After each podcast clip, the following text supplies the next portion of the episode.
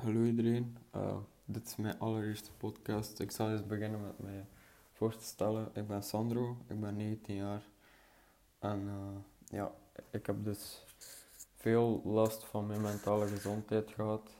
En dat is iets wat ik ook met jullie wil delen. En ik probeer nu al een periode mijn leven goed te krijgen. Ik probeer mentaal sterker te worden, fysiek sterker te worden.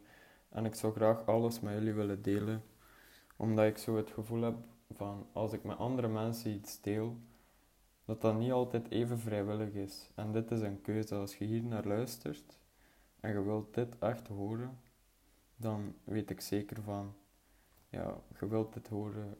Dit is volledig vrijwillig. En je hebt er iets aan. Omdat ik weet dat er ook mensen zijn die zichzelf kunnen vinden in problematiek en mentale gezondheid en gelijk wat. En ik ben een heel open persoon daarover. En ik zou er graag gebruik van willen maken om zo ook andere mensen te kunnen helpen rondom mij. En eventueel niet rondom mij. En ja, dat is dus eigenlijk het doel.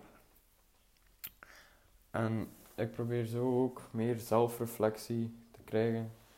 En ja, te vertellen over hoe ik mijn dagen invul over hoe ik me voel, over hoe ik reageer op bepaalde momenten, zoals ik mijn paniekaanvallen heb bijvoorbeeld.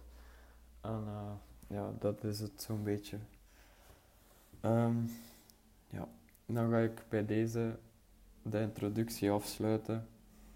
Um, ik hoop zeker dat jullie hier iets aan gaan hebben. Laat het me weten of je het een goed initiatief vindt of minder. En uh, ja, dan hoor ik jullie in de volgende podcast.